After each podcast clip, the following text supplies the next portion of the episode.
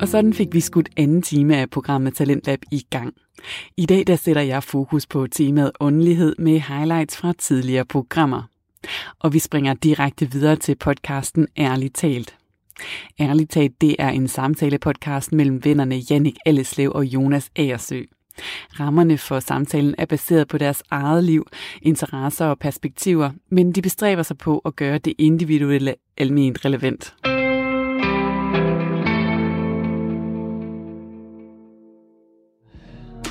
Jeg har lige øh, haft min anden sidste gang i mit kære valgfag om psykologi og filosofi, og, og hvor vi så en lille dokumentar færdig om Nietzsche, hvilket var fint. Men så snakkede vi også lidt om humanistisk psykologi og positiv psykologi, som er sådan positiv psykologi og sådan en nyfortolkning og lidt mere videnskabelig udgave af den humanistiske psykologi, men med, hvor interessen er for begge retninger i det, eller i det raske menneske. Så frem for at kigge på alt det patologiske og neuroser og traumer og alt sådan noget, så er man optaget af, hvad, hvad er mennesket, når det er, er dygtigt, og når det er godt, og når det er lykkeligt, og alt det der, ikke? Jo. Øhm, og det var meget fedt, og det er grund til, at jeg har taget det med, det er også, fordi jeg vil gerne lige, nogle af dem her har det jo rigtig svært, også med selvtillid og sådan noget, så det der med også nogle gange lige at sige, hey, prøv måske også at lige være opmærksom på noget af det, der kører. For jeg, jeg forestiller mig, at hvis du er vokset op i en dysfunktionel familie eller et eller andet, og du har haft diagnoser hele livet, og du har skudt det ene og det andet til alt muligt. Du har altid fået at vide, at du er ordblind, og du særlig, altså de får, ved jo, at de går i en speciel klasse, ja, ja. med mig også og sådan noget. Selv på en, de, en speciel 10. klasses tilbud, og selv på det 10. tilbud, der er min klasse den specielle. Altså ja. sådan, du ved, så det er de specielle er de specielle på en eller anden måde, ikke? Jo men de er jo ikke idioter på nogen måde. Altså sådan, de, de er jo men, altså, velfungerende mennesker, der kommer til at skulle ud og have et arbejde og skabe familie og alle sådan nogle ting. Så grunden til, at jeg ligesom synes, det var vigtigt, at de fik det med, det var også at sådan, give dem mulighed for os lige at kigge på nogle af de der ting, hvor de måske kan tage lidt ejerskab på en anden måde, og både ved at snakke eksistentialisme, som jeg også forklarede sidste gang, med at gøre dem opmærksom på, at der er valg og konsekvenser i en eller anden grad for dem. Ikke? Mm. Men især også det her med sådan, okay, hvad kan I gøre selv for at fokusere på de kompetencer, I har, og de potentialer, I har, og sådan noget. Og der, der snakker vi nemlig om øh, Mihaly Csikszentmihalyi, som jeg har snakket med dig om før, Mr. Flow. Mr. Flowman. han har, han har været en flow-teori, øh, som egentlig bare går ud på, at det er spændet mellem kedsomhed og utilstrækkelighed. At mm. når du bliver øh, hvad hedder sådan noget, aktiveret, eller når du befinder dig i tilstand mellem kedsomhed og utilstrækkelighed, så, så er du i en flow-tilstand, som er der, hvor det ikke nødvendigvis, at alt er let for dig, men du er optaget på en måde, som giver dig en eller anden, noget, der kunne minde om en lykkefølelse. Mm. Selvom det kan være pisse frustrerende at være i. Altså det, og det er jo arbejde jo også et godt eksempel på, at det der med, at man nogle gange kan gå og have en mega god dag på arbejdet, selvom at når man tænker tilbage, så er det sådan, kæft, der er sket meget lort, og der var meget, der gik galt, men man er bare sådan, vi fikser det, og vi kører bare, og sådan, man har slet ikke stoppet op og tænkt på mails, eller tænkt på skænderiet derhjemme, eller noget, man er bare, mm. man er bare i flow, ikke? Jo, jo, man ligger, øh, sådan som jeg godt kan lide tænke på, da du ligger ligesom på dit topniveau. Du mm. præsterer på dit topniveau. Ja. Så der skal ikke meget til, at det bliver for meget, og du vil blive ryge ud af flow-tilstanden, fordi du har brug for hjælp udefra, eller du bliver Præcis, frustreret. Ja. Og det er så heller ikke så let, at du kan begynde at tænke på øh, et eller andet i hjemmet, eller et eller andet. Du altså, er du, tvunget til at være i aktiviteten. Ja. Flow-tilstanden er beskrevet på den måde, at, at det, det, det er en tilstand, hvor du slag, det er der, når du ikke længere tænker. Altså sådan, det er mere lidt som at være 100% til stede, mm. i, men ikke på den der, hvor ikke du... Bevidst. Sådan, det, det er ikke sådan bevidst om, om det hele, fordi så ryger du faktisk ud af flow-tilstanden, tror jeg. Det er sådan, jeg oplever mm. det. Men det er netop mere den der, hvor at du bare ikke koncentrerer dig, du bekymrer dig ikke. Du forholder dig egentlig ikke rigtigt til andet end det næste okay. skridt. Altså ja. sådan, så på den måde er du meget til stede. Du er meget i nuet på en eller anden måde, ikke? fordi det er sådan, hvad er det, hvor er det nu, jeg skal hen, altså for at løse den her opgave, eller sådan noget, ikke? men den er også målrettet på en eller anden måde. Mihaly, han, han beskriver det som, øh, at man kan både forestille sig et barn, der har øvet sig i at bygge et højt tårn, og så når det får sat, når det, det byg, har, er lige ved at nå det højeste tårn, det nogensinde har bygget, og i det den sætter, øh, barnet sætter klodsen på det øverste, og ligesom slipper sådan den der følelse af at have været på, øh, øh, hvad hedder sådan noget, randen til at bryde sammen over, at det blev ved med at vælte, ikke? men nu lykkedes det. Sådan, det, der, det hårde arbejde, der ligger bag, eller svømmeren, der slår sin egen rekord eller et eller andet, ikke? og bare totalt, altså nærmest lige ved at besvime og, og drukne, fordi de ikke kan holde sig op over vand, ikke? men den der med bare knokle, knokle, knokle. Mm.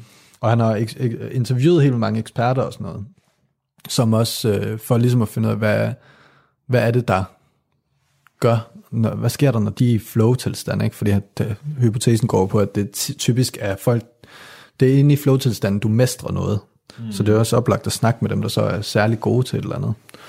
Øh, og der, hvor han fandt ud af, at det, det de jagter, det er, eller ikke, det er ikke social prestige eller penge eller sådan noget, det er bare, Du gør det for tingens skyld. Præcis. For aktivitetens skyld er nok i sig selv, ikke? Det er det. det Ja. og, og, men, men de jagter flow-tilstanden. Det er mm. det, der også er interessant, fordi de jagter, eller ikke engang jagter, men det, det er måske det, der sådan stræber. Ubevidst Præcis. jagter Det, det, det er i hvert fald det, der gør, at det er fedt for dem, fordi de har fundet ud af sådan, hey, når jeg gør det her, så øh, når jeg gør den her aktivitet, når jeg svømmer om kap, eller når jeg bygger med klodser, eller når jeg gør noget tredje, så har jeg mulighed for at få komme ind i den her tilstand.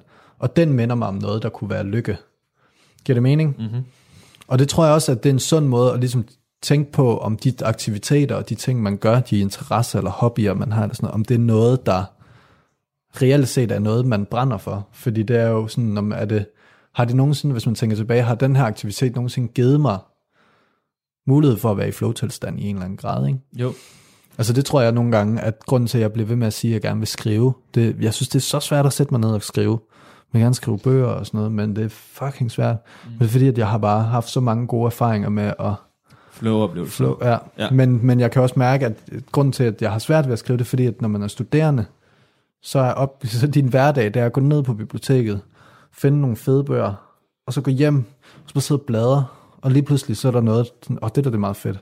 Skriv lige en note der og en note der. Så begynder du lige sådan, ej lad mig lige skrive det her ud. Så begynder du at skrive noget ud, genfortælle eller redegøre på din egen måde. Og så er det bare sådan, åh, og så i forhold til det her problem, så kommer analysen, ikke? Men sådan, der er tid til det. Hvor i hverdagen nu, der er det sådan, der, der, der er det svært at kredse omkring, indtil er, at man ryger ind i den der flow-tilstand, fordi mm. der har jeg måske, måske hvis jeg er heldig, kunne jeg godt presse to-tre timers øh, godt stykke arbejde ud efter en arbejdsdag. Men, men hvis jeg skal bruge to-tre timer på at sidde og bladre lidt i bøger, og ikke rigtig føle, at jeg kommer nogen vejen, så, så er det en frustration jo. Mm. Så bliver det mislykket på en eller anden måde. Giver det mening? 100%, og det, det er da også sindssygt meget arbejde at skulle gøre det. Mm. Eller sådan, når man lige har brugt en hel dag på at være på arbejde, så skal man jo være på arbejde svært. igen. Ikke? Altså, det er fucking hårdt. det, er, det, er, det, er, det er virkelig hårdt. Øhm, jeg har tænkt meget over det der med den der flow-tilstand der, mm. lige for nylig faktisk. Øh, den her uge måske i forbindelse med nogle podcast, jeg har hørt og noget, hvad hedder det, bog jeg har læst og sådan noget. Mm. Men det der med, at flow-tilstanden på en eller anden måde, øhm,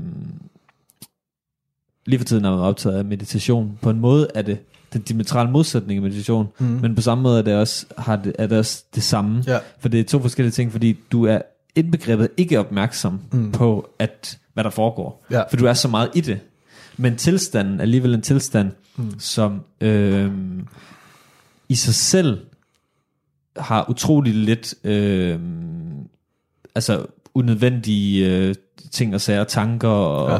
og alt muligt i sig, rent naturligt. Så tilstanden er sådan lidt meditativ, fordi du kun er i det, du laver, men du er ikke opmærksom på, at du er der på en eller anden måde. Jeg så det, tror- det er sådan lidt en, en både og tilstand. Ikke, Jeg tror faktisk det. bare, man kan sige, at flow-tilstanden er lige under den meditative tilstand. Fordi grunden til, at jeg vil sige det på den måde, det er, at den meditative tilstand, der er målet i sig selv at bare være opmærksom på mm. alt. Så meget som muligt, hele tiden, nu. Hvor at i flow-tilstanden, der er målet, eller det, den, den, det du jagter, eller det du sigter mod, det er den konkrete opgave. Mm. Som ikke er at være nærværende, men det er et eller andet specifikt. Det er at blive god til svømning, øh, slå din egen rekord, eller bygge klodser, eller sidde og skrive. Altså, så der er en Spille et mere... instrument. Ja, præcis. Der, men der er et øh, en eller anden materiel, eller en eller anden sådan værtslig øh, øh, udgangspunkt i tilstanden. Der er et mål, eller Præcis. Altså der, der er formål. noget, ja, der er et eller andet, hvad skal man sige, konstrueret mål i forhold til bare at være mm. som, som gør, at jeg vil sige, at den er lige under den meditative tilstand. Fordi jeg tror stadig, at netop som du siger, at, at den forskellen er, at du kan blive forstyrret. Fordi jeg forestiller mig, når jeg sidder og er fuldstændig flow, sidder og skriver, hvis min kæreste banker på døren til kontoret eller et eller andet, så bliver jeg jo slået ud af den. Ja. Og så skal jeg lige ind i den igen, mm. eller sådan noget. Men hvor hvis jeg sidder og mediterer, og er inde i en god meditation, og der så bliver banket på døren, så alt efter, hvad, hvad reglerne er, eller et eller andet, sådan, eller hvordan, men så vælger jeg jo at reagere ud fra det på en mere nærværende måde. Altså sådan, jeg bliver ikke lige så øh, Slået ud. slået ud kunne Nej. jeg forestille mig, fordi jeg er i en eller anden, på en eller anden måde forberedt på, på det, eller klar til at gribe, mm. at jeg reagerer, ikke? Jo, klart. Ja, 100%. Øh. Altså sådan, fordi så kommer det, og så kan det godt være, at man lige får den der sådan, hov, der mm. var noget højt, eller et eller andet, men så med det samme, så får man sagt til sig selv, det bankede på døren, hvad vil du gøre ved det, agtigt. Mm. Og så, for, altså, så du sådan hele tiden mærker efter, sådan, og hvad skal jeg så gøre nu? Og det kan jo så være at svare, det kan også bare være at ignorere det, øh, mm. men hvor at, at den der, i, 100%. i flow, der vil man sådan lidt mere vende hovedet med det samme, ikke? Jo. Det tror jeg måske er lige forskellen der. Jeg, jeg vil ikke vende hovedet eller åbne øjnene i en meditativ tilstand, hvis det bankede på døren. Men det er jo også på en eller anden måde, fordi der er en eller anden form for mindre opmærksomhed på tilstanden. Mm. Altså nogle gange, hvis jeg sidder og mediterer, og der er en høj lyd, det gør, når der smækker en dør, så, kan, så hører jeg lyden, men jeg kan også høre den i min krop, altså ja. sådan alle musklerne. Nogle gange faktisk i den retning, hvor lyden var, der, Ja. der begynder det sådan at flimre sådan Ja, ja, ja, kan over alt, hvor man ligesom hører, at det er sådan en mærkelig tilstand, fordi det hører du, oplever man aldrig, når man bare er på arbejde eller et eller andet, hos sine venner, og du hører en høj lyd, så mærker du aldrig den Jeg mærker ikke noget. men, nej, overhovedet ikke. Men jeg vil, jeg vil tro, den er der også der, men du er bare overhovedet ikke tunet ind på så finfølende kanaler, som du er, når du sidder i, i, i og du lægger mærke til noget, som er så finfølende. Mm. Så det mindste kan bare, en lyd kan på en eller anden måde blive transformeret om til en kropslig sensation, Ja. som er meget, meget et, et space, hvor du meget opmærksom på alting, ja, ikke? ja. Øhm, Men ja. ja. din, dine sanser er jo bare heller ikke... Altså jeg tror, at i hverdagen skruer vi rigtig meget ned for mange af vores sanser. For eksempel kropslig, øh, altså sådan følesansen. Og sådan noget, og sådan hele den der kropsnærvedheds, hvad skal jeg ved ikke, sådan kropssans, hvis man skal sige, der er sådan en med det der med, at man kan mærke, at man er i sin krop, som faktisk er mit bedste værktøj. Og min bedste måde at beskrive, hvad en meditativ, eller sådan, hvad det vil sige, at sådan være til stede, det er sådan, prøv at mærke din krop indenfra, eller sådan, prøv at mærke din, altså sådan, mærke, at du har en, det, he- hele Ja, ja, din, din øh, essens på en eller anden måde, ikke? Øhm, men det går du fandme ikke at gøre særlig meget på arbejdet. Og det fede er, når man går og arbejder, eller er i gang med et eller andet, og man så lige får sagt til sig selv, mærk lige dig selv, mens du gør det her. Mm. Fordi så bliver tingene så meget federe. Mm. Det er bare pisse svært. det er pisse svært at huske det og gøre det og alle mulige ting.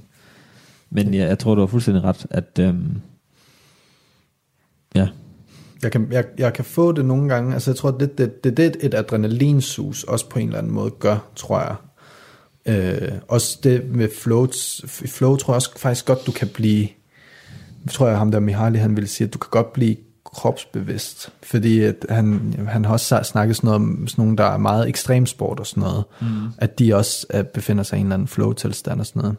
Og jeg, jeg tænker på det, jeg snakkede med mine elever om det, jeg brugte det eksempel at stå og undervise dem i det her fag, som var noget, jeg brændte vildt meget for, og følte, jeg kendte nogenlunde indgående, men overhovedet ikke på sådan et ekspertniveau, jo, men jeg, jeg føler mig god nok til at kunne fortælle dem om det, nogen der ikke har hørt særlig meget om psykologi og filosofi. Men det at stå og undervise dem, og give mig selv lov til at stå, altså sådan stole på, at det jeg siger på en eller anden måde er rigtigt. I en eller anden grad i hvert fald. Øh, I hvert fald rigtigt nok til, at det kan give dem en grundforståelse af, hvordan tingene hænger sammen. Og så det, den der følelse af at blive stå og snakke, og så blive til, bevidst om, at lige nu står jeg faktisk og formidler noget, og altså sådan have det overskud til os, og mm, lægge mærke til, til det, mens man gør det. Giver det mening? 100 procent. Jeg, har- jeg har også jeg har prøvet det selv, men nogle gange synes jeg også, det kan være lidt øh, skræmmende faktisk. Hvis jeg nogle gange sidder i et møde, øh, og jeg sidder af den, der er i gang med at snakke, og der sidder en hel masse mennesker og kigger på mig eller et eller andet, og så nogle gange spontant, ikke bevidst, men så øh, bliver jeg opmærksom på, Ja. ja. hvad jeg er i gang med. Og så kan jeg ligesom bare mærke alle, alle blikke, og jeg kan mærke alt, hele rummet omkring mig. Sådan, det er sådan lidt ud af kroppen oplevelse, Ja. så man lige ser sig selv ud fra. Det er også lidt intimiderende, fordi man er lige bare sådan, og man snakker videre, så altså ens modtager opdager ikke, at man lige pludselig er blevet Ja, ja, ja. vågnet op faktisk i princippet til, til, nu, nu, til nuet, ikke? Ja, præcis. men, men man er alligevel sådan, man kan se sig selv snakke videre om det, man ved noget om, eller hvad fuck det er, ikke? Imens man snakker videre, men du kigger ud fra sådan lidt, okay, det kører videre, Ja. og bum, så falder du tilbage, og så er du ikke opmærksom på det mere. Man kommer lige ud og sådan, jeg ved ikke, om du oplevede Jo, det. 100 procent. Jeg kender er det så, så godt. syret. Altså, jeg, men, men jeg tror faktisk, at det tit er, der, at der er du på spidsen af, Ja, af, af trekanten-agtig med at være i flow, ikke? Fordi det er der, hvor at nu er det på grænsen til at tippe det hele. Ja. Fordi, fordi, fordi jeg vil sige, det er tit der, hvor at når, lige når du har det der øjeblik, det næste, der kommer ud af din mund, det er ofte, øh, jeg glemte, hvad det næste var, eller jeg glemte, hvor jeg ville hen med det her. Forstår du, hvad jeg mener? ja hvis du bliver hyldet for meget ud af det. Præcis. Altså jeg synes tit, der når man, man snakker og sådan noget, men så bliver man bevidst om noget. Mm. Eller man bliver bevidst om nuet, man bliver bevidst om Mm. sig selv, mens man er i gang med at fortælle, og så er det sådan, så ryger det bare ud til højre-agtigt. Ja. Men jeg har også oplevet, hvor, man, altså, hvor jeg kunne fortsætte. Ja, ja, det spor, jeg præcis. var, og det, det er faktisk lidt specielt, synes jeg, at det kan lade sig gøre. Altså det, det der med, at du både kan være opmærksom på, at du er i gang med at tale, samtidig med, at du taler. Så det er som om, ens hjerne faktisk kan køre flere spor samtidig. Ja, ja, ja. Altså man, man har snakket meget om det med multitasking og sådan noget. Og så vidt jeg har forstået, så er den, den mest øhm, up-to-date øhm, forskning inden for området, er faktisk, at multitasking ikke findes. Mm. Det man gør, det er, at du øh, skifter, Skifter, ja. lynhurtigt mellem forskellige. Det er det, hjernen gør i hvert fald, når Ja. ja. kigger på den. Men det, jeg så ikke helt forstår, ellers er det i hvert fald ultra, ultra hurtigt, det er, at du både kan være i en tilstand af opmærksomhed, mm. samtidig med, at du laver en eller anden handling. Og jeg oplever mm. det også i, i meditativ tilstand, hvor jeg kan meditere og være opmærksom på det, samtidig med, at jeg faktisk er i gang med det, som jeg ikke skal lige nu, Ja, ja, ja. ja. og det jeg sidder i gang med at planlægge et andet. Nogle gange så er jeg også helt ude planlægge, altså hvor jeg er helt væk, Ja, ja. så må man komme tilbage igen. Det er jo helt naturligt. Men Men hvor Men- den nogle gange sådan kører var det, lidt, parallelt. var det Ja. lidt parallelt, hvor Ja. du både laver to ting samtidig, og det, det, jeg ved ikke lige, hvordan min hjerne, hvad hedder, aktivitet ser ud der, men meget specielt, tror jeg. Altså jeg tror måske, i stedet for at se det som sådan noget, et, et spor eller sådan noget, så se det som øh, jongl- jonglering. ja. Fordi at jeg tror, at der også er så meget rutine og så meget, det der med, man sender også noget, en handling afsted på en eller anden måde, sådan, eller en- tanke afsted, som gør, at du ved, den er derude, den er klar til at blive grebet igen, ikke? Så det er ligesom sådan at kaste noget op, og så kan du sådan lige forholde dig til noget andet, indtil der du ved, den kommer ned igen, og så er du sådan, nå, jeg er nødt til stadigvæk lige at kigge på den der, den ryger sgu lige op igen, ikke? Og så, Ja, ja, ja. så fortsætter man med det i højre hånd eller et eller andet. Mm. Og det, øh, det, det tror jeg sådan egentlig meget, fordi det oplever jeg også med, når jeg, hvis jeg mediterer eller sådan noget, at det sådan, det, det, sådan, det cirkulerer lidt med forskellige, det er sådan alt muligt jo, mm. men hvor det, og det kan være fuldstændig ligegyldige, absurde ting, man, der kommer ind i hovedet på en, og det kan være sådan meget konkrete ting, og det kan være bekymringer og sådan noget, men det er sådan, så får man det sådan lidt væk, og det er fint, og man ryger tilbage, så kommer der sådan et eller andet andet, og så nogle gange så kommer det, det der tilbage sådan efter et kvarter, så er det sådan, nå, der, nå nu kom du der igen, var. Ja. Og så sådan, smut nu-agtigt, men ja.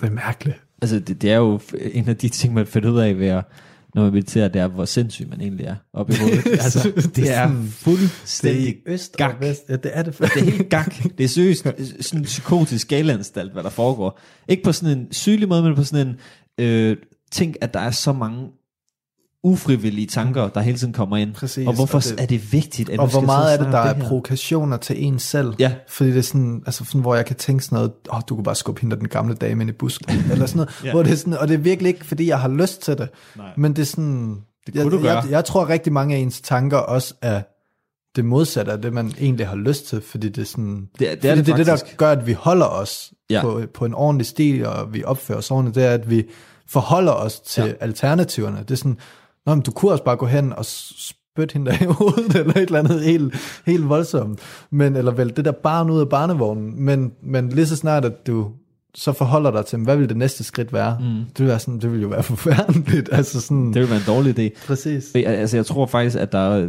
ret meget, der peger på det lige nøjagtigt, at det. Jeg læste sådan en øh, undersøgelse, hvor de har kigget på, jeg ved faktisk ikke om, hvordan de helt nøjagtigt har gjort, det kan også være, at det bare var nogle psykologer, der snakkede om det, men at den der tilstand, når du står på toppen af et højt sted, og du får Ja. sådan en trang til at hoppe ud, Mm. hvorfor får man den trang? Jeg får den også selv. Jeg elsker at stå Ja. ved et højt sted, og jeg er sådan hele tiden, uh, skal man hoppe? Og jeg er sådan Ja, ja, ja, lidt på vej, det er man ikke, men det som de så kom frem til i den, jeg læste, øh, den artikel der, det var, at at, det, at hjernen lidt gør det for at huske sig selv på, mm. at du står i en farlig tilstand. Ja. Så ved at huske sig selv på, at du kunne hoppe ud, så husker du en anden del af din hjerne på en eller anden måde. Derfor skal du ikke gøre det. Ja. Fordi du er, altså, så det er hele tiden for at huske ind på den situation, du står i. Og jeg tænker, at det snakker det ikke om specifikt her, men jeg tænker, at man kan tage det med over i for eksempel, og derfor skal du ikke spytte den gamle dame Ja, i ja, hovedet, præcis, og derfor skal ja. du ikke. Så du hele tiden på den måde bliver tjekker mm. din egen adfærd, ved ligesom at begynde at købe nogle tankemønstre. Ikke? Jo, fordi altså sådan, ja, man kan sige, der er nogle ting, der vil føre til ens død, Ja. men i det lange løb, hvis du socialt opførte dig som en kæmpe Ja. idiot, så vil det også føre til din død. I, øh, før i tiden, så ville du bare blive slået ihjel ret Ja. køligt, hvis det var, du gjorde Social død er jo også Præcis. lige med rigtig død. Præcis, det er det. Altså sådan, helt tilbage, hvis du blev udstødt, så ville det være rigtig svært for dig at overleve. For det første ville du være meget mere sårbar for at blive slået ihjel, men det ville også være svært for dig at fange mad og alt sådan noget. Senere hen, så ville det også, straffen ville også bare være meget mere kynisk, end den er i dag. Altså sådan, nu kan du gå rimelig langt. Nu skal du, øh, altså, du rammer højst sandsynligvis ikke en dødsstraf for særlig meget. Nej. Øh, Ikke i Danmark. Nej, præcis. Altså sådan, så, Ja. det, så det er jo det, at der, du kan sådan set gøre ret meget ved det. Så kan du selvfølgelig gøre dig så upopulær blandt nogen, at de kommer forbi med en gun eller et eller andet, ikke? Jo, men, Men- der er så nogle andre konsekvenser i dag. Ja. Altså fængsel, og du ved, din- du vil miste dit job. Og din, Mm. Jamen, det er det, jeg mener, at, at det, det, det, men konsekvenserne er der trods alt mm. stadigvæk, som gør, at det sådan, det vil jo, altså det er lige så fatalt at opføre sig som en dum skiderik. Ja. Fordi jeg tror, og det tror jeg ikke på, på nogen måde er noget negativt, men jeg tror i og for sig, at mennesket altså har brug for, altså det er jo empati vel i en eller anden grad, at det der med også sådan, men det er jo også vildt egoistisk samtidig. Ja. Fordi det er en måde at passe på sig selv, at man ikke går ud og gør alle de der Ja, ting, ja. ikke?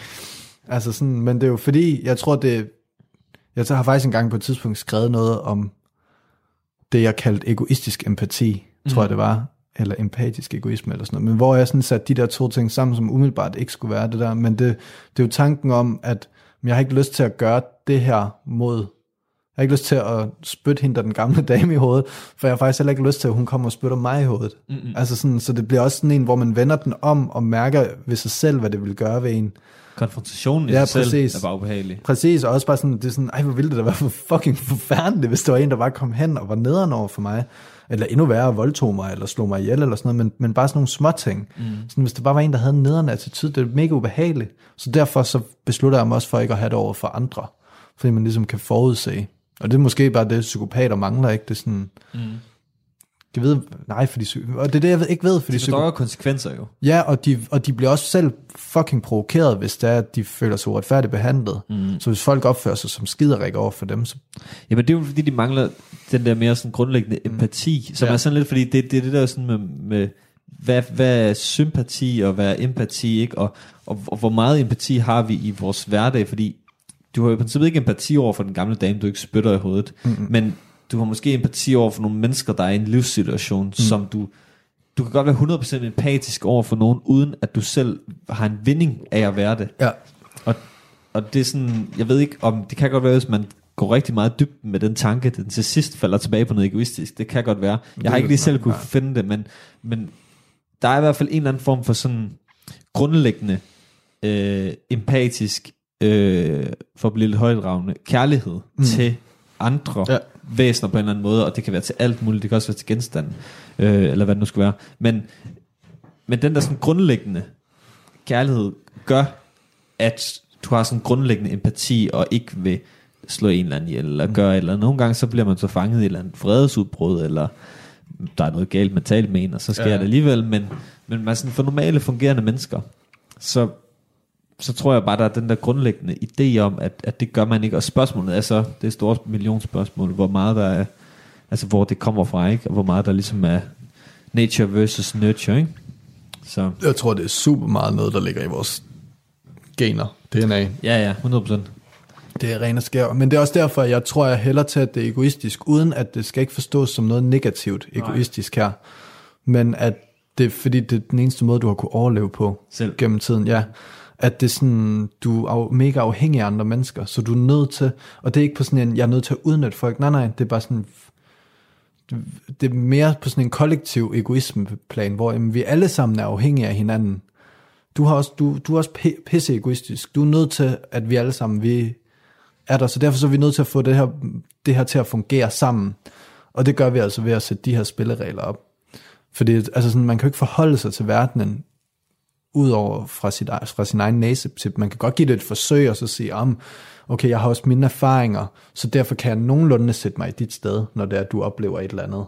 Men det er stadig kun til en vis grad, fordi jeg har stadig kun mine erfaringer, og, og hvad, det er jo det, der er så meget at blive i øjeblikket om, du kan ikke, du kan ikke snakke om noget, du ikke har oplevet og sådan noget, men det er sådan, nej, men vi, det er rigtigt nok, jeg kan, ikke, jeg kan ikke snakke lige om din, men din oplevelse, men vi er jo alle sammen mennesker, vi har alle sammen prøvet at have det mega rart, og at folk har gjort noget rart mod os, og nogen, der har gjort noget rigtig ubehageligt mod os.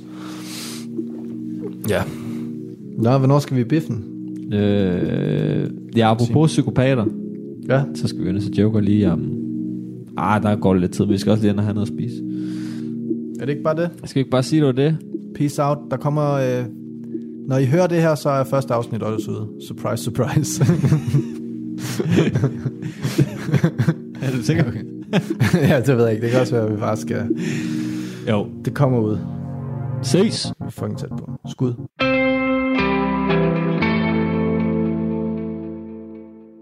Nu skal vi så til et lille klip med podcasten Psyken og Fysen, hvor parret Karina Ibsgaard og Vaskan Avagian, de tager dig med ud i naturen.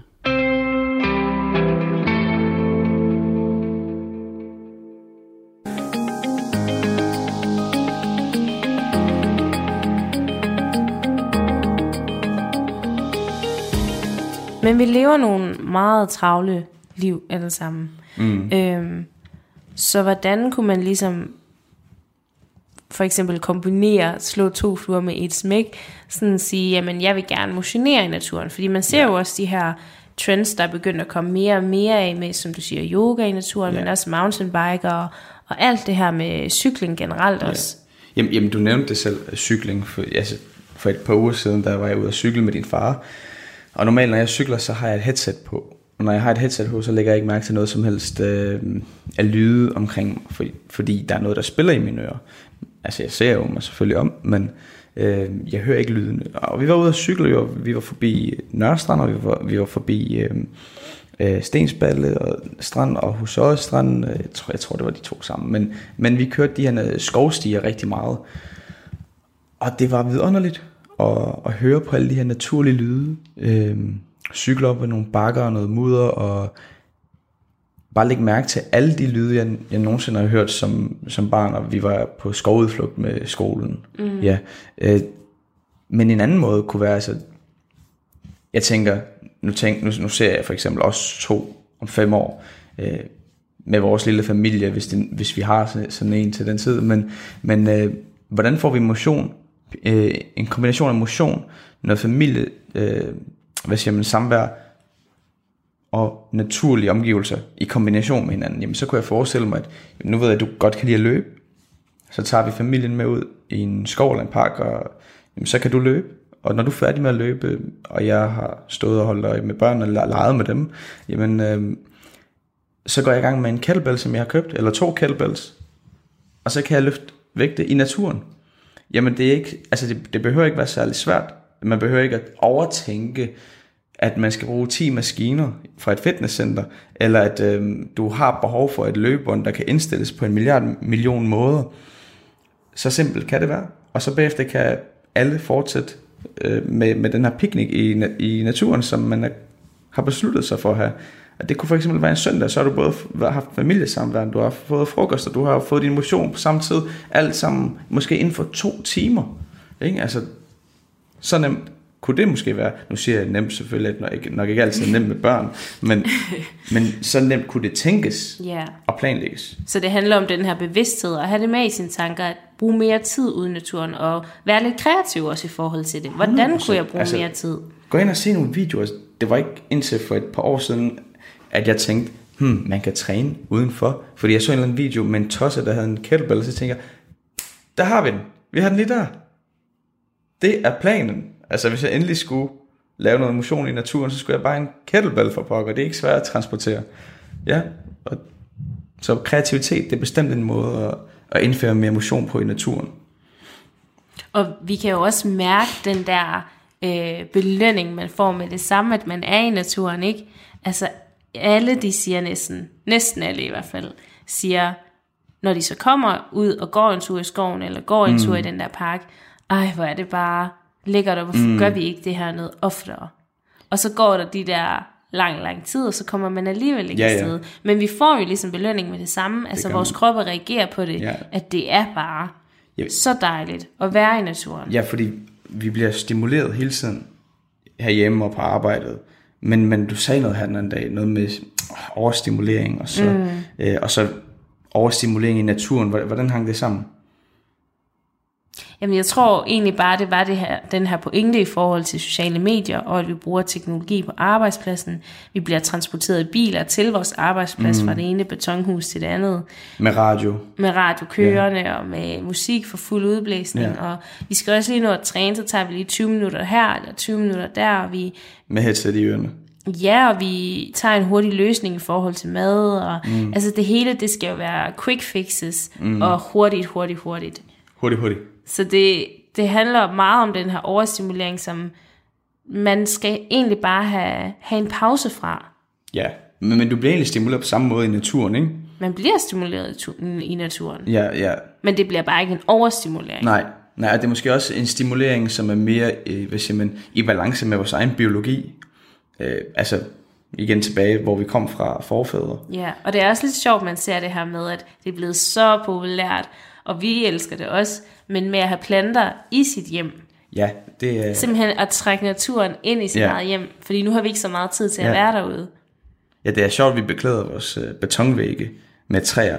Mm. Som, altså, jeg har set nogle mennesker købe et kæmpe citrontræ eller appelsintræ og stille det i deres stue. Og jeg tænker, jamen, hvorfor, hvorfor pokker går du ikke udenfor? Det er et kæmpe træ midt i din stue, ikke? Altså, wow, det, det, det må være et eller andet... Et, eller andet, behov, man ikke får, Ja, ja. ja. det må være en eller anden, en eller anden dyb ønske om, om at være i naturen, og så at det, sådan, det er symptomet, at personen går ud og køber et kæmpe citrontræ, og planter det lige der, eller Men- Men, stiller det i stuen. Kunne der være en måde, hvorpå vi ligesom trækker vores arbejde med ud i naturen?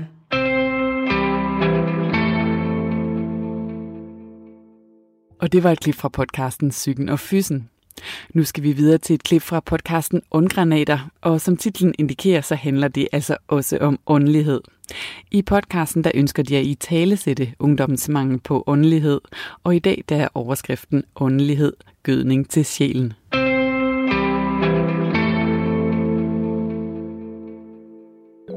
Du lytter til Åndgranater.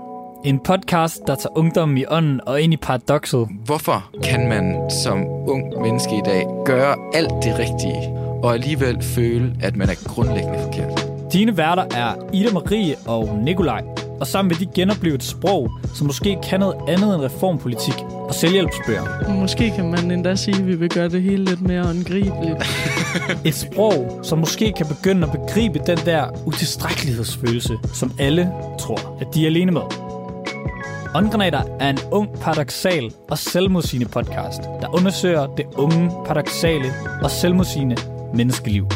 Velkommen til Åndgranater. Velkommen til Åndgranater. I studiet der øh, sidder jeg, Ida Marie, med Nikolaj Hej. og med Frederik, Hej. vores lyddreng. Mm. Mm. Ja.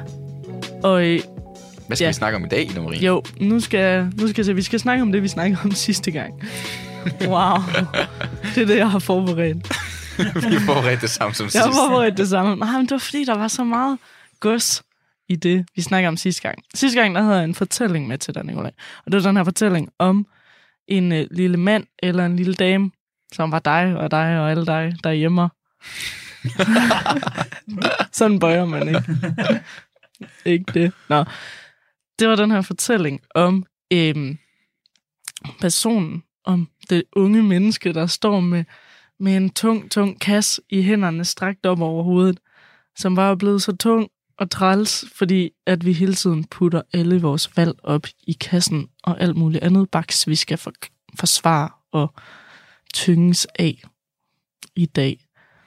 Og Nicolaj, jeg ved, at du har, du har gjort noget, der har gjort mig rigtig stolt. Du har nemlig taget den her, den her fortælling, den her myte, kan vi måske sige. Grundmyten. Grundmyten. Grundmyten, ja, præcis.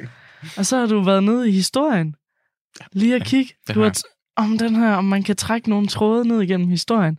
Hvorfor er det, vi står med den her kasse oven på hovedet? Og det kunne man jo kalde sådan en klassisk idehistorisk disciplin. Jamen, det har jeg. Det ja. har jeg gjort. Og man, og, man, og man tænker jo nok, at øh, det blev oplagt, at det var Ida Marie, der skulle lave det her.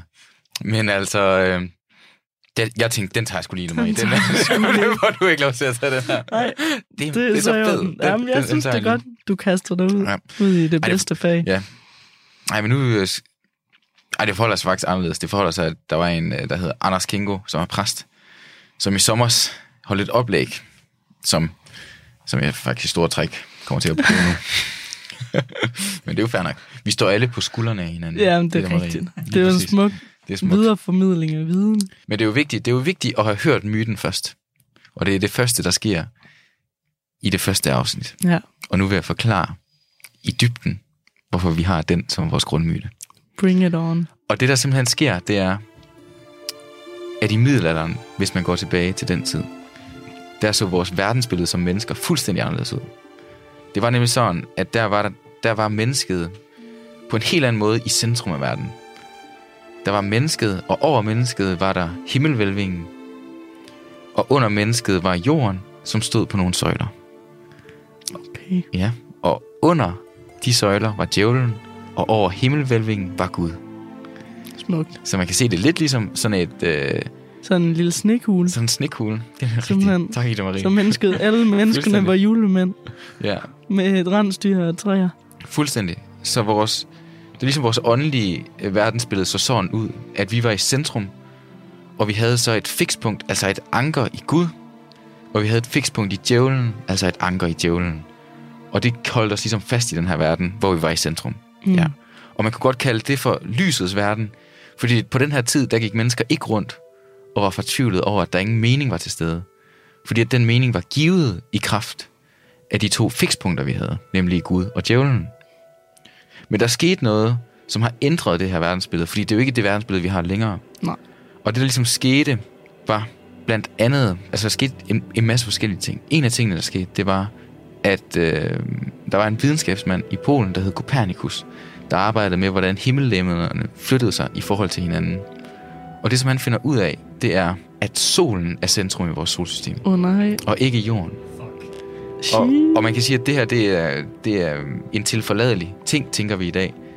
Men han var så nervøs for det her fund, at han ventede med at udgive bogen til hans dødsleje. Fordi at han var bange for, hvad der ville ske med ham, hvis han udgav det. Øh, Han vil blive brændt fuldstændig. som en kætter. Fuldstændig. Vantro. Øh, ja, det er rigtigt, Marie. Han var bange for det her. Men med den her opfindelse, det er ikke bare en videnskabelig opfindelse, det gør også, at vores åndelige verdensbillede går til grunde. Åh oh, nej. Og når man ikke har et verdensbillede, så har man ingen orientering. Og mennesket fra at være centrum, bliver den kastet ud i periferien. Shit. Marie. Og for eksempel så har Nietzsche beskrevet det på den her måde, at mennesket blev kastet fra centrum til et ubekendt x. Altså, man ved ikke længere, hvor vi var. Så vi er bare en, en dum variabel. Fuldstændig, vi er bare en dum I variabel. det store, i li, livets store ligning. Og vi er, jamen, jamen det, altså det er lige før, at vi ikke engang er der. Altså, Ja. vi er så meget i periferien, at vi er ligegyldige. Vi er ikke længere i centrum. Ah, det er træls. Og med det her udgangspunkt, der tænker Descartes. Descartes, han sidder og tænker. Hvad tænker han på? Jamen, det er jo det. Han tænker bare over, at han tænker. Nå, Det, var det. det, er faktisk, det er faktisk det, han gør. Men det, som han gør, det er, at vi har altså mistet vores fikspunkter, vores, vores, øh, de steder, hvor vi er forankret i verden. Altså Gud og djævlen. Ja. Og nu sidder Descartes og tænker, men hvad er det, vi kan vide? Og det, han kommer frem til, det er, det eneste, han kan vide, det er, at han er til, fordi at han tænker. Altså, jeg tænker, derfor er jeg. Okay. Eller som han sagde, jeg tvivler, derfor er jeg. Øhm, og hvad er det, han gør, Ina Marie? Han tager nemlig ankeret, altså fikspunktet, og sætter ind i sig selv. Og har udgangspunktet til at forstå hele verden fra sig selv. Og man kan jo sige, at det er en god idé, Ina Marie, det her, han gør. Om det er en god idé? Ja. Er det smart? Hvis du nu for eksempel, hvis du nu, er det en god idé, og lad os, lad os, lad os, lad os, lad os nu tage det som et, som et skib, Ida Marie. Som om jeg er et skib. Som om du er et skib. Vil er, jeg, du, er jeg en for- sød lille kano, Du- eller er jeg et stort containerskib? ignorere? Du er bare en båd. Okay, du er bare en fucking båd. Jeg skal bare lige være med på, på billedsproget. her. Jamen, du er en båd. Du er sådan okay. en... Nej, du er sådan, en, du er sådan en flot sejlbåd, Ida Marie. sådan en katamaran. Nej. Okay, okay. Du er en katamaran, Ida Marie. Ja, Du har et anker. ja. Du vil gerne øh, sætte dig fast til noget. Du putter ankeret på skibet. Ja. Er det smart? Ikke hvis jeg gerne vil sidde fast, så flyder jeg jo væk. Jamen, det, er- det er lige præcis det, man gør. Og det er det, Descartes gør. Han flyder væk. Han sætter ankeret i skibet selv, altså mennesket selv. Ja, Og det har jo den kæmpe risiko, at menneskerne kan flyde væk. på deres katamaraner. Ja. Mm. Okay. Det og det er simpelthen, det her, det har simpelthen skabt, at vi står her, menneske for menneske, hver for sig, med vores egen lille kasse, som vi holder strækt ud over vores hoveder. Og i den her kasse er alle de valg, vi træffer. Fordi at vi har centrum inde i os selv, og vi tror, at vi vælger alting, og udgangspunktet er os selv. Og det der så er det helt store problem, det er, at alle de, an, alle de valg, vi tager, de rører altså op i den her kasse. Og ikke nok med alle de valg, vi tager, også alle de fravalg, vi tager. De rører også op i den her kasse. Oh, der er mange. Ja. Og, og hver gang man træffer et valg, så bliver kassen tungere. Og jo flere fravalg, der er i forbindelse med et valg, gør også kassen tungere. Synker båden så. Jamen, prøv her, vi, vi, vi er væk fra den er ene metafor, nu er vi over i Over i kassemetaforen. For helvede. Vi har, vi har droppet båden nu, nu er vi over i kassen. Det er heller ikke nemt. Men, og det helt store er, at der altså ikke er nogen større alvor i de valg, vi træffer som menneske, end dem, vi selv ligger deri. Og det, har, det kan betyde to ting. Enten, at du kan lægge så meget vægt på valgene, at kassen bliver så tung, at du knækker under den. Altså, at, at hver eneste valg, du træffer, har afgørende betydning for dit liv. Det er den ene yderpunkt. Det andet yderpunkt er, at intet valg har betydning.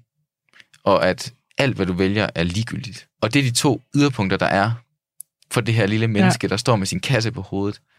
Okay, så fordi vi ikke længere har vores fikspunkt i Gud, Ja. så er det hverken ham, der har ansvar for vores liv, eller er skyld i det. Lige så det er præcis. sådan, enten så er det, så skal vi bære byrden af, at vi selv har ansvaret for livet, eller så skal vi bære byrden af, at der ikke er noget, der lige pludselig giver mening, fordi det er bare os selv, der finder på det hele. Ja. Så det er sådan yderpunkterne. Ja. Ja. Og nu. dybest, dybest inde i mennesket, Ida Marie, der ulmer det. Hvad, at hvad den- ulmer der? Jamen, det ulmer, at meningen er selvskabt. Ja, og det spænder os ud mellem Og det de her spænder to. os ud. Og når det går op for os, at der kun er den værdi i de valg, vi træffer, som vi selv ligger der i, det kan få en til at fortvivle noget så voldsomt. Åh oh, nej, Ja. Ja. Og så kan man så spørge Ida Marie, er det nyt det her? Er det nyt? Tror du, det er nyt? Jamen, hvad sagde du? Det var Descartes, der satte ankeret ind i os selv. Ja, det var det nemlig. Og han er, han er sådan en renaissance-fyr. Så det er et par år siden. Så det er ikke nyt. Det er ikke nyt. Det er ikke nyt. Det er ikke nyt. Det er skide gammelt. Her, det er ikke nyt. Nej, Sådan. det er ikke nyt. Så, Det er ikke nyt. Vi har stået så er det da på tide, vi kom, udkommer på den her podcast. og mange generationer før os har stået med satan. kassen over hovedet. Det har de. Det er ikke nyt. Nej, Men, øhm, men hvad er nyt? Hvad er nyt? Jamen, jeg tænker måske, måske er der sket noget siden, i hvert fald i forhold til mængden af valg. Altså i forhold til, hvis vi hele tiden har ansvaret for de her valg, vi putter op i vores kasse, så er der i vores samfund en milliard valg, vi kan tage ansvar for. Og i samme ombæring en milliard valg, vi så skal tage ansvar for ikke at have træffet. Træffet? Truffet? Mm. Det går godt med formuleringerne i dag, mand. Altså, så der er måske en byrde, der er blevet forøget eller mm. forstørret. Ja. Og så tænker jeg også noget i det her, altså sådan, det du sagde med Gud og djævlen, at der ligesom er nogen, der har haft hånd i en på en eller anden måde. Ja. En, man har været en lille ånddukke. Ja. lille hånddukke. Ja, Gud. Guds lille ånddukke har man været. Og det er man på en eller anden måde ikke længere. Så nu, ja, så er der også en, en skæbne, eller sådan, som ligesom bliver selvforskyldt. Vores liv bliver på en eller anden måde selvforskyldt. Altså, der er der ikke nogen yderpunkter, vi kan kaste det her ansvar hen på. Nej. Og det tænker jeg i højere grad af, af de seneste årtier, at det ligesom har taget, taget fart, fordi i lang tid har der jo måske stadig været den her tanke om en, en Gud, der på en eller anden måde havde, havde fat i den her skæbne. Ja, altså, så man kan ligesom sige, at der er sket et eller andet skred i, at lige så stille er begrebet skæbne blevet udvisket. Ja, Og i takt med, at det bliver udvisket, så står du mere til ansvar for dit eget liv. Er det, er det sådan noget, jeg ja hørte dig det sige? tror jeg, jeg vil sige. Altså sådan, ja, vi har netop ideen om en, en skæbne er ligesom død. Ja. Så nu er, det, nu er det ikke en skæbne, nu er det valg. Ja. Altså nu har man selv valgt det lille liv, man ligger og Ja. ruder rundt med. Ja. Det har man nemlig. Ja. Og man har ansvaret for det valg, man ligger og ruder rundt med.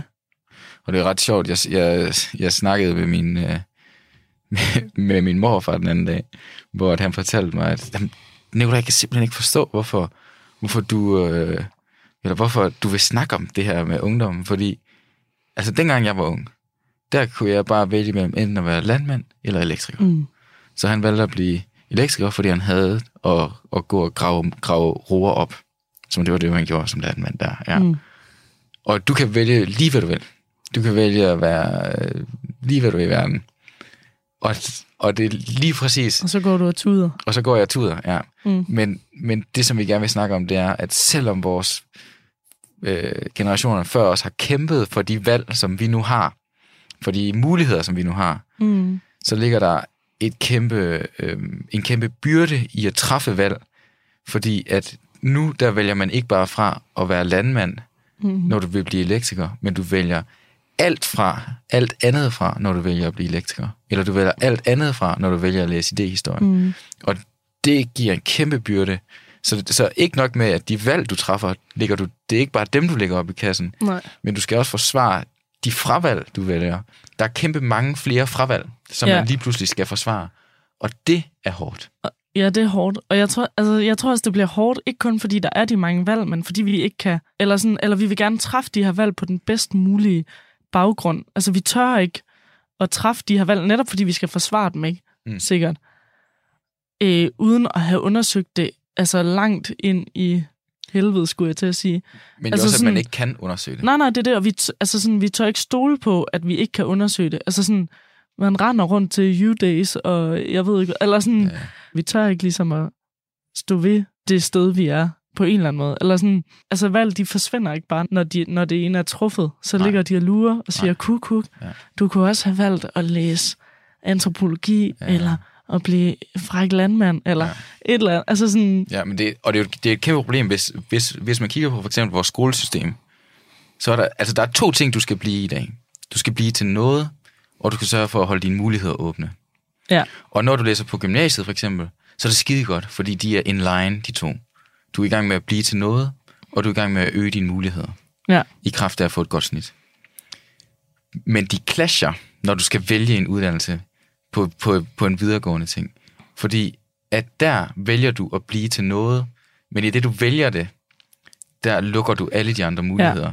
Og det er derfor, det er så hårdt at vælge en uddannelse. ja, Det er fordi, at de to normer i samfundet clasher der, om at blive til noget, og om at, blive, og om at holde mulighederne åbne. Og så kan du så gøre som mig, for eksempel, at vælge en uddannelse som, som statskundskab, som bare er totalt et... Øh, øh, at holde alle muligheder åbne stadig. Du ved, jeg kan ikke blive, øh, blive du ved, de der typiske professionsuddannelser, men jeg kan blive alt det andet. Ja. Altså, så, kan, så kan man gøre ligesom mig, bare udskyde valget øh, i kraft af de, den slags uddannelser. Ja. Men, ja. Altså, jeg tænkte, jeg var sådan, altså, jeg har altid været sindssygt dårlig til at træffe valg. Og jeg kan huske, da jeg skulle på, øh, da jeg skulle på efterskole, der nåede jeg ikke rigtig ud og kigge på alle mulige efterskole, så jeg valgte ligesom en, og så nåede jeg ikke rigtig at kigge på flere, og så var det fint. Men så da jeg kom, så var jeg sådan, åh oh, nej, åh oh, nej, åh oh, nej, åh oh, nej, det var bare overhovedet ikke det, det skulle være. Og jeg endte faktisk med at skifte efterskole. Og så da jeg kom over på den anden efterskole, så var jeg, åh oh, nej, åh oh, nej, åh oh, nej, åh oh, nej, det var bare overhovedet ikke det, det skulle være. Eller sådan, det blev ligesom aldrig, selvom jeg prøvede alle de her valgmuligheder af, som lå og lurede og sagde kuk, kuk, så blev det aldrig sådan godt nok. Og jeg tror også, det gør noget ved sådan vores tilgang til verden og vores tilgang til, sådan, til andre mennesker og til relationer, fordi den her efterskole og de mennesker, der så var på den her efterskole, de skulle ligesom bare være statister i mit perfekte efterskoleår. Altså det handlede bare om, at jeg skulle have det, altså sådan opfyldt det billede, jeg ligesom havde af, hvordan det ville være at være på efterskole. Og jeg glemte at være åben over for det, der skete. Altså sådan, det var jeg så også, fordi heldigvis, så det andre mennesker kan, det er, at de kan bryde ind i ens liv på en eller anden måde, og ind i ens lille billede. Øhm, og ja, røre ved en på alle mulige gode måder. I et håndværk. også ind i ånden. Også ind i ånden. Giv hende nogle åndmad. Ja, hold det heldigt. Men, Men- det, ja, Ja, altså sådan... Men det er, jo, det er jo sygt problematisk, hvis vi bliver så selvoptaget, og ikke på sådan en selvhøjtidlig måde, men på en helt vildt ensom måde, også hvor sådan, vores liv aldrig kommer til at leve op til, ja, til de forventninger, vi også, altså vi netop giver det i kraft af at hele tiden skulle forsvare det op i den her kasse. Og det bliver jo, ja, det bliver både problematisk for os selv, men også for vores forhold til andre mennesker. hvis du har haft alle muligheder for at vælge det Mm. gode liv, og du så vælger forkert, det er fandme dumt ikke at vælge det gode liv, hvis du Ja. bare kan vælge det. Hvor satan. Altså det, er vi- det, og det er, jo, det er jo det kæmpe pres. Men Ida Marie, vil vi gerne tilbage til situationen, som jeg beskrev først, hvor du kun kan vælge mellem at være landmand eller elektriker eksempelvis. Jamen, det er jo det. Altså, det har vi også snakket om, det her med, om man så bare skal rulle det hele tilbage. Så. Mm. sige, nå okay, så trækker vi lod om, hvad for en uddannelse vi fik, ja. og så vil vi være lykkelige. Altså, det vil også, fordi at vi så med den her mængde af valg, har et, en forventning om, at, vi træ, at der er et rigtigt valg. At vi har sådan, at vi kan vælge forkert hele tiden. Altså, det er som om, der er sådan et, et fikspunkt, eller sådan et hypotetisk liv, vi kunne leve, der vil være det bedst mulige liv hele tiden. Ja. Som vi ligesom kan gå og, og nærme os så meget som muligt. Altså, der mangler en eller anden, eller for mig tror jeg i hvert fald, der mangler en eller anden sådan tillid til skæbnen, eller sådan, eller skæbne er et tungt ord, ikke? Men det er også noget det, øh, man måske kunne snakke om med det her, siden Descartes, ikke, der har ændret sig. Altså, når vi nu har sådan erklæret det gode gamle skæbnebegreb færdigt, hvor Gud ligesom gik og gjorde, hvad han ville, og sagde, nu skal du være frisør, eller nu skal du klappe en gris, eller nu skal du have fnat, eller et eller andet. Altså det her skæbnebegreb er ligesom forsvundet. Det er ikke mange, der ligesom finder ro i, at når, okay, der er nogen, der har, en, øh, har givet mit liv en højere mening eller en højere betydning. Mm. Så det er også der, at, at vores liv er ligesom hele tiden vendt ind mod de, de valg, vi træffer. Jeg har tit en følelse af, at, at de valg, jeg træffer, det er, altså sådan, det er noget, jeg ligesom putter ud i verden, og så er det 100% mit ansvar, hvad jeg så får tilbage. Altså sådan, mit liv er 100% præget af mig. Ja, og der er jo bare ikke en særlig stor opmærksomhed for, at vi er i verden sammen. Eller, det kan jeg komme tilbage, når jeg, men der er jo også nogle andre, der, der sådan har betydning, eller spiller ind i dit liv, eller sådan, men, men selv der nogle gange, altså sådan, når jeg skriver beskeder til, især sådan, har det været sådan med fyre på Tinder eller et eller andet, så hvis jeg skriver en eller anden besked derinde, så føler jeg, det er ligesom sådan et, et spil, sådan et børnespil, hvor hvis man, hvis man, hvis jeg skriver det her, får jeg så det rigtige svar tilbage, så det er ligesom, det er mit ansvar, Mm. at han svarer, ja, vi skal gifte sig, have fem børn og flytte til Vejle. Ja, ja. Altså sådan, det er kun, og, sådan, og det giver jo ikke ham nogen, øh, nogen fri vilje, eller noget, eller fri vilje, det var et stort, men sådan Nej, nej, men, noget men, råderum. Det bliver ligesom mit lille computerspil, jeg render rundt i, eller sådan. Og det er hårdt, eller sådan, fordi så er det også... ja, så man mister helt den der idé om, at der er andre ting til stede i verden, end en selv med sin lille kasse. Og når man så viser kassen frem for andre, hvis de så siger, at jeg har ikke lige tid til det her, fordi at der er faktisk noget derhjemme, der gør, at jeg ikke, eller whatever, Ja. eller jeg er i gang med et andet menneske, Ja, eller sådan et eller andet. Alt muligt komplekst. Men det ved man ikke, Mm-mm. og derfor øh, responderer de ikke på det på ens kasse, Nej, og så føler man bare, at ens kasse overhovedet ikke er nok. også så netop glemmer at tillægge det betydning. At det har betydning i kraft af at være et, en re- reaktion eller en relation, og ikke kun i kraft af at være ligesom sådan mit, Ja. mit lille spejlbillede. Mm. Eller sådan. Men det er også altså hele essensen af, af det billede, vi prøver at tegne, hvor man står med kassen på hovedet, er jo netop, at når du står med begge dine hænder og holder, så, altså, så kan du ikke hjælpe andre. Nej, Og der er ingen, der har tid til at hjælpe dig. nej, nej. Fordi så, at alle har, er travlt optaget med sig selv. Ja, i kapløbet om at få det her ja. Rigtige liv, og nå. Mm. den her hypotetiske perfektion øh, Ja. af livet, så overser man alt det. Eller det Ja. lyder også sådan banalt og citatagtigt. I kan godt lave en køl- køleskabsmagnet. Kunne vi ikke have noget merch med det? Jo, det kan vi godt. Køleskabsmerch. Og hvad skal der stå på den så? Jamen, der, så skal der stå, at i, i kapløbet mod det gode liv, der overser vi det gode liv. Stærkt, Mm. Den er stærk. Relationerne, er den ikke smuk? stærkt. Godt lige at arbejde lidt på det. Man kan godt sige, at i takt med, at valgene i vores samfund er steget, så er det blevet hårdere at forsvare de fravalg, vi træffer. Ja. Og Ida Maria og jeg er enige om, at vi vil ikke tilbage, Nej. men at vi bliver nødt til at acceptere, at det er stadig hårdt. Det var det sidste klip i denne omgang af mit tilbageblik fra Talentlab, som i dag handlede om åndelighed. Og Talentlab det er selvfølgelig tilbage igen i morgen aften. Tak fordi du lyttede med.